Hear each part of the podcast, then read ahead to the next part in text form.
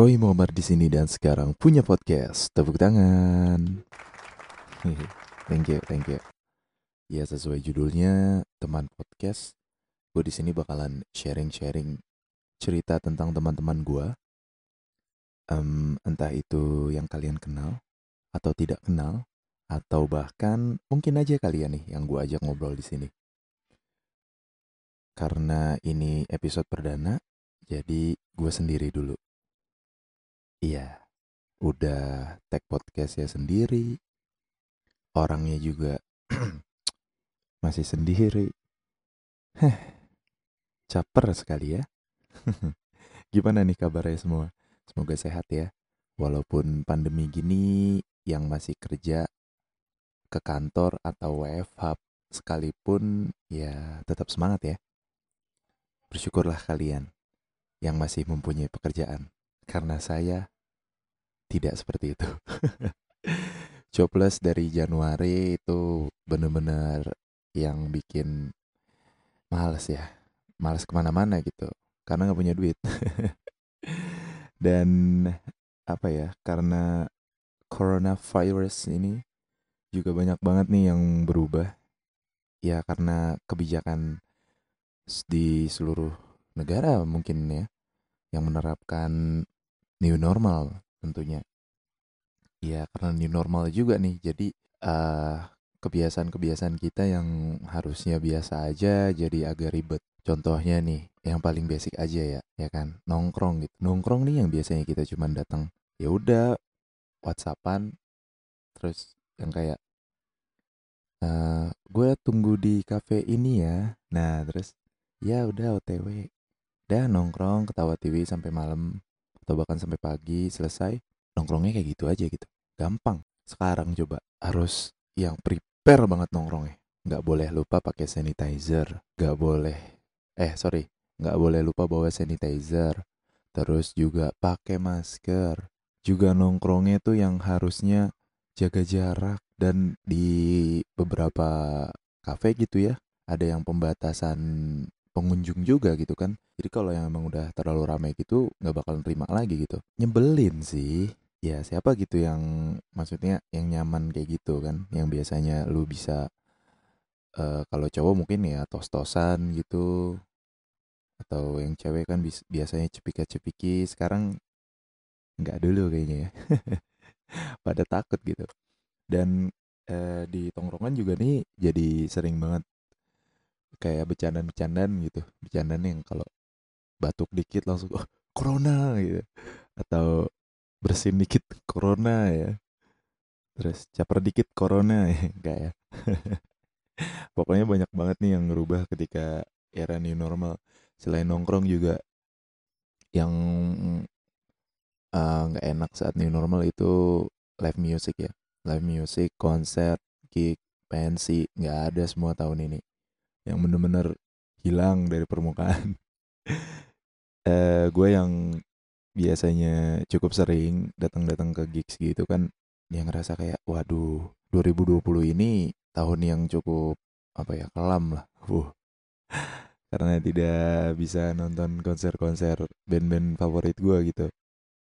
Yang biasanya tuh gue bisa nonton um, ambil contoh lah Naif gitu. Naif yang biasa sering banget lu bisa ngelihat di Jakarta atau Bekasi gitu ya sekitaran situ lah lu bisa dapet nonton Naif tuh kalau gue nih kalau gue pribadi tuh bisa satu sampai tiga kali lah satu tahun tuh pasti ketemu sama Naif. Sekarang tidak.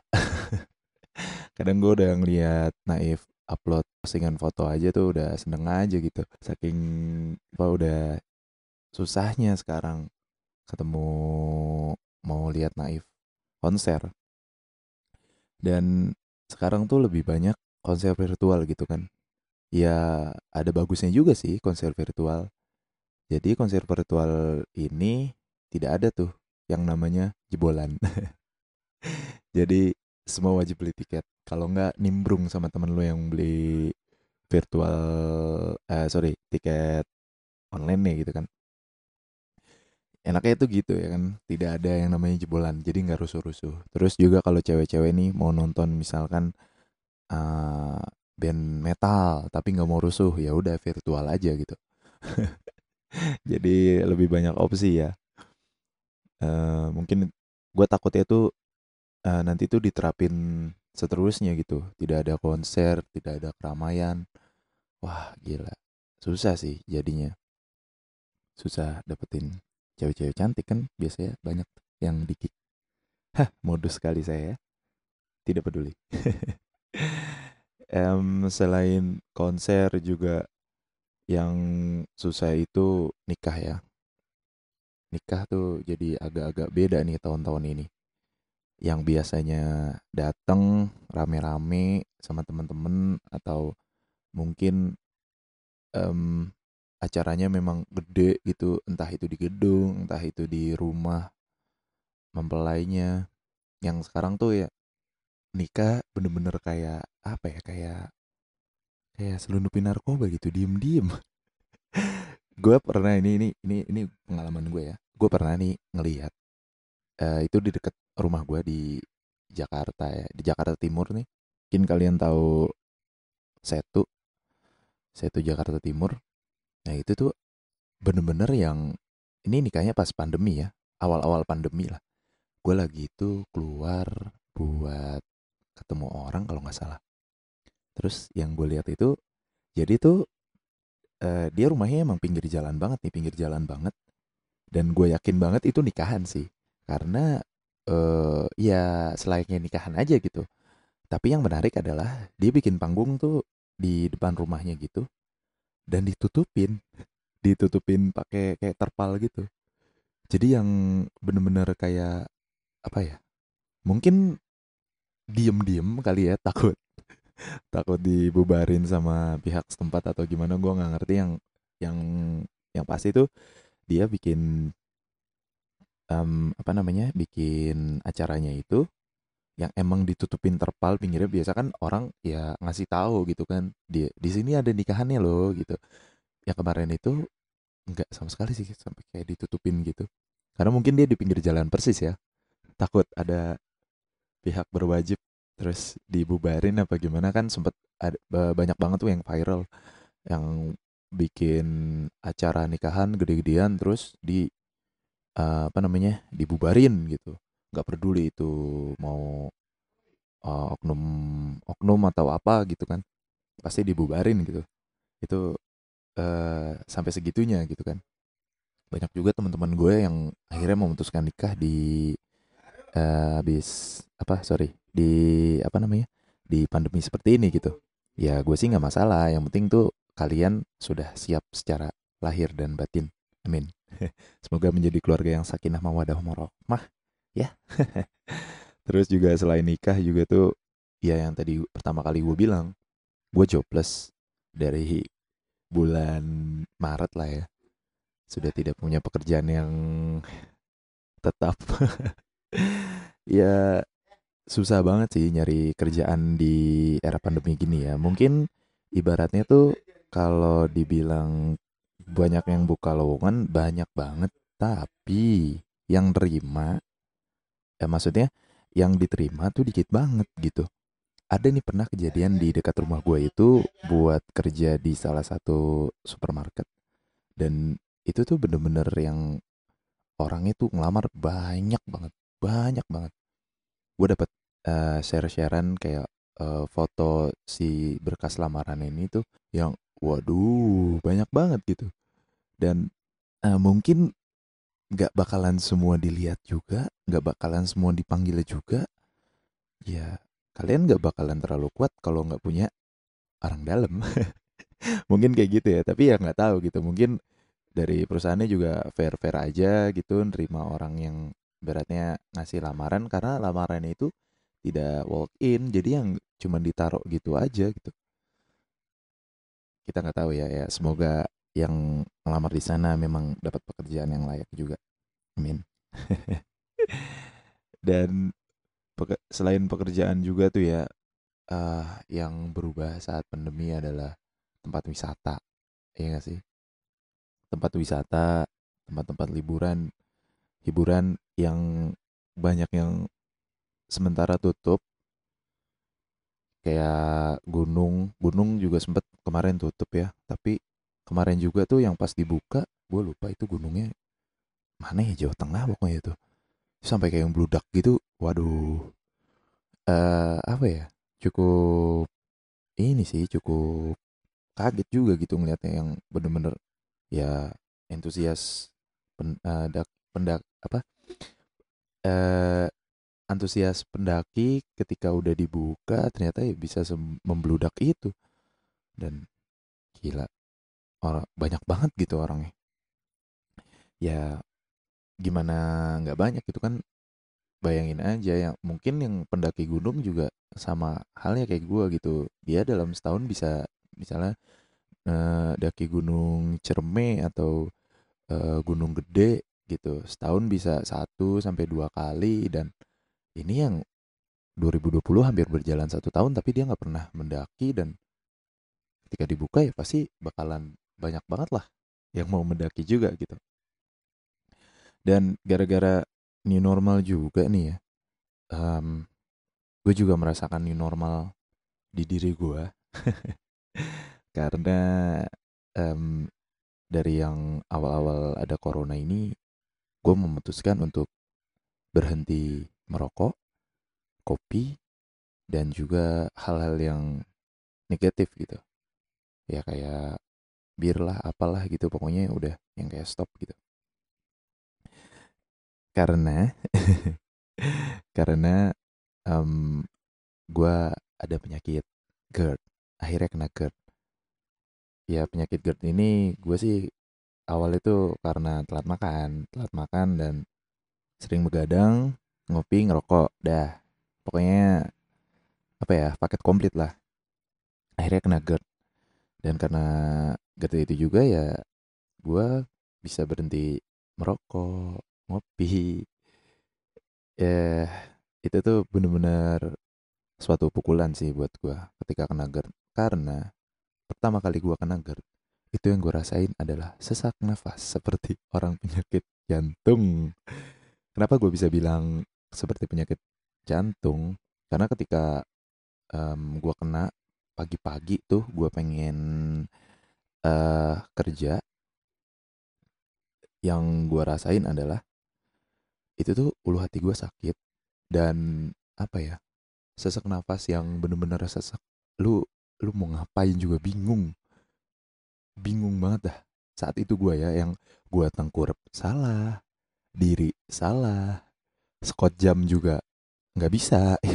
Lagi sesak skot jam gitu tambah parah lo nah yang lebih parahnya lagi adalah ketika gue mau sarapan gitu ya biasanya gue oke oke aja ini yang bener-bener gak bisa masuk gitu. Pengen munt dimuntahin lagi. Itu cukup parah sih. Terus setelah gue sesak-sesak gitu gue coba-coba tidur gue tidur lagi. Karena gue itu pagi bangun sekitaran jam 5 gue gue nyoba tidur lagi akhirnya bangun bangun jam 8 gue ke klinik ke dokter ya akhirnya difonis GERD. Dan kata dokter juga ya biasa gitu dia kan nanya masih ngerokok? Iya ngerokok ngopi. Iya. Ya disuruh berhenti. Ya akhirnya alhamdulillah sih bisa berhenti. Jadi untuk kalian nih yang lagi pengen berhenti merokok atau ngopi atau apa pun itu karena demi kesehatan ya coba deh kena GERD jangan sih jangan sampai ya kalau kalian mau berhenti merokok ya tekatin aja gitu kalian mau berhenti merokok. Dan apa ya uh, kalau kalian ngerasa kayak ah berhenti ngerokok tuh susah. Enggak sebenarnya bukan bukan susah atau halo apa lu lu nya nggak bisa gitu. Cuman ya karena lu nya aja nih yang emang nggak ada niatan mungkin ya mungkin. Kayak gitu sih. Dan apa ya imbas itu emang di badan gua nih yang gua rasain emang enak sih beda banget rasanya. Yang kayak ketika berhenti ngerokok tuh yang bener-bener ketika lu bangun tidur biasanya kan kalau gue dulu nih pas gue masih ngerokok bangun tidur tuh males gitu. Males banget. Males dah pokoknya. Terus bangun tidur yang nggak sama sekali cuci muka cuman minum segelas biar nggak kering-kering banget mulut lu terus bakar rokok gitu itu gue banget tuh dulu. Nah itu mungkin ya yang bikin males. Dan sekarang tuh yang beda banget gitu rasanya beda. Lu bangun tidur yang langsung bisa lari. Squat jam enggak ya? Ya pokoknya lu bangun-bangun langsung seger gitu nggak yang mager-mageran. Biasanya kan mager-mageran gitu. Dan apa ya banyak banget sih yang bisa gue rasain gitu ketika gue berhenti merokok selain uh, kemarin gue juga kayak yang sepedahan mulu gitu yang nggak sesak. Terus juga kalau lari mungkin gue emang tipikalnya bukan uh, suka lari gitu ya. Tapi intinya sih gue tidak merasakan sesak yang begitu parah ketika lari. Karena yang pas ngerokok boro-boro gitu gue bisa lari. Mungkin kayak jalan aja misalnya jauh gitu ya 1 sampai 3 kilo tuh gue bisa capek sih kayak sesak gitu. Sekarang lari aja ya cukup tidak sesak lah. Dan gue sharing ini bukan berarti gue tidak ah sorry. Gue menganjurkan kalian yang merokok terus untuk tidak merokok karena demi kesehatan bukan. Gue hanya sharing aja. Gue pun tidak pernah ada masalah sama orang-orang yang rokok sampai saat ini. Mau ngerokok kayak mau ngevape kayak terserah gitu. Dan apa ya karena ya selama kalian masih merasakan kenikmatan ketika ngerokok ya lanjutin aja gitu.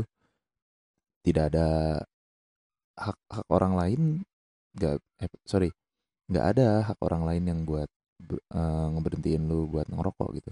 Gimana sih ngomongnya? Kok hak orang lain? Kewajiban aduh gimana sih? Eh, bingung gua. Pokoknya uh, orang lain tidak wajib untuk menganjurkan lu untuk berhenti ngerokok. Ya, karena rokok itu pilihan aja sih. Ngerokok dan ngerokok nggak ngerokok itu pilihan gitu. Oh ya, dan eh, ini satu tips lagi nih, ketika kalian mau berhenti merokok, usahakan tidak memiliki opsi lain gitu. Tidak memiliki opsi lain, kayak contohnya lu berhenti ngerokok tapi nge-vape. Menurut gua uh, sometimes lu pasti bakalan ngerokok lagi gitu dan misalnya lu mau berhenti ngerokok tapi lu makanin permen. Ya mungkin lu berhenti ngerokok tapi karena keseringan makan permen takutnya diabetes apa gimana? Yang manis-manis. Intinya jangan lu membuat opsi tersendiri ketika ingin berhenti merokok. Karena menurut gua ya ketika lu mau berhenti ngerokok ya full-fullan aja gitu. Nggak usah nggak usah pakai pakai lu mau berhenti ngerokok tapi ah gue makan permen. Ah gue ngevape. Ya sama aja lu pasti bakalan balik lagi balik lagi menurut gue ya. Karena ya gue bener-bener yang nggak nyari pelampiasan gitu ketika gue mau berhenti ngerokok. Dan mungkin segitu aja kali ya untuk episode pertama kali ini. Nggak yang ribet-ribet tapi nextnya nih gue bakalan ngobrol sama temen gue ya teman-teman gue sih intinya yang deket-deket aja gitu ya mungkin kalian nih yang lagi denger bisa aja yang gue ajak ngobrol juga nggak penting sih sebenarnya ngobrolnya gue cuman nggak ada kerjaan ya ngapain lagi gitu selain nggak eh, nggak uh, ngisi kesibukan udah nggak kerja nggak punya kesibukan ya nggak enak aja ya udah bikin podcast pokoknya gitu Ya udah. Thank you yang udah mau dengerin. See you.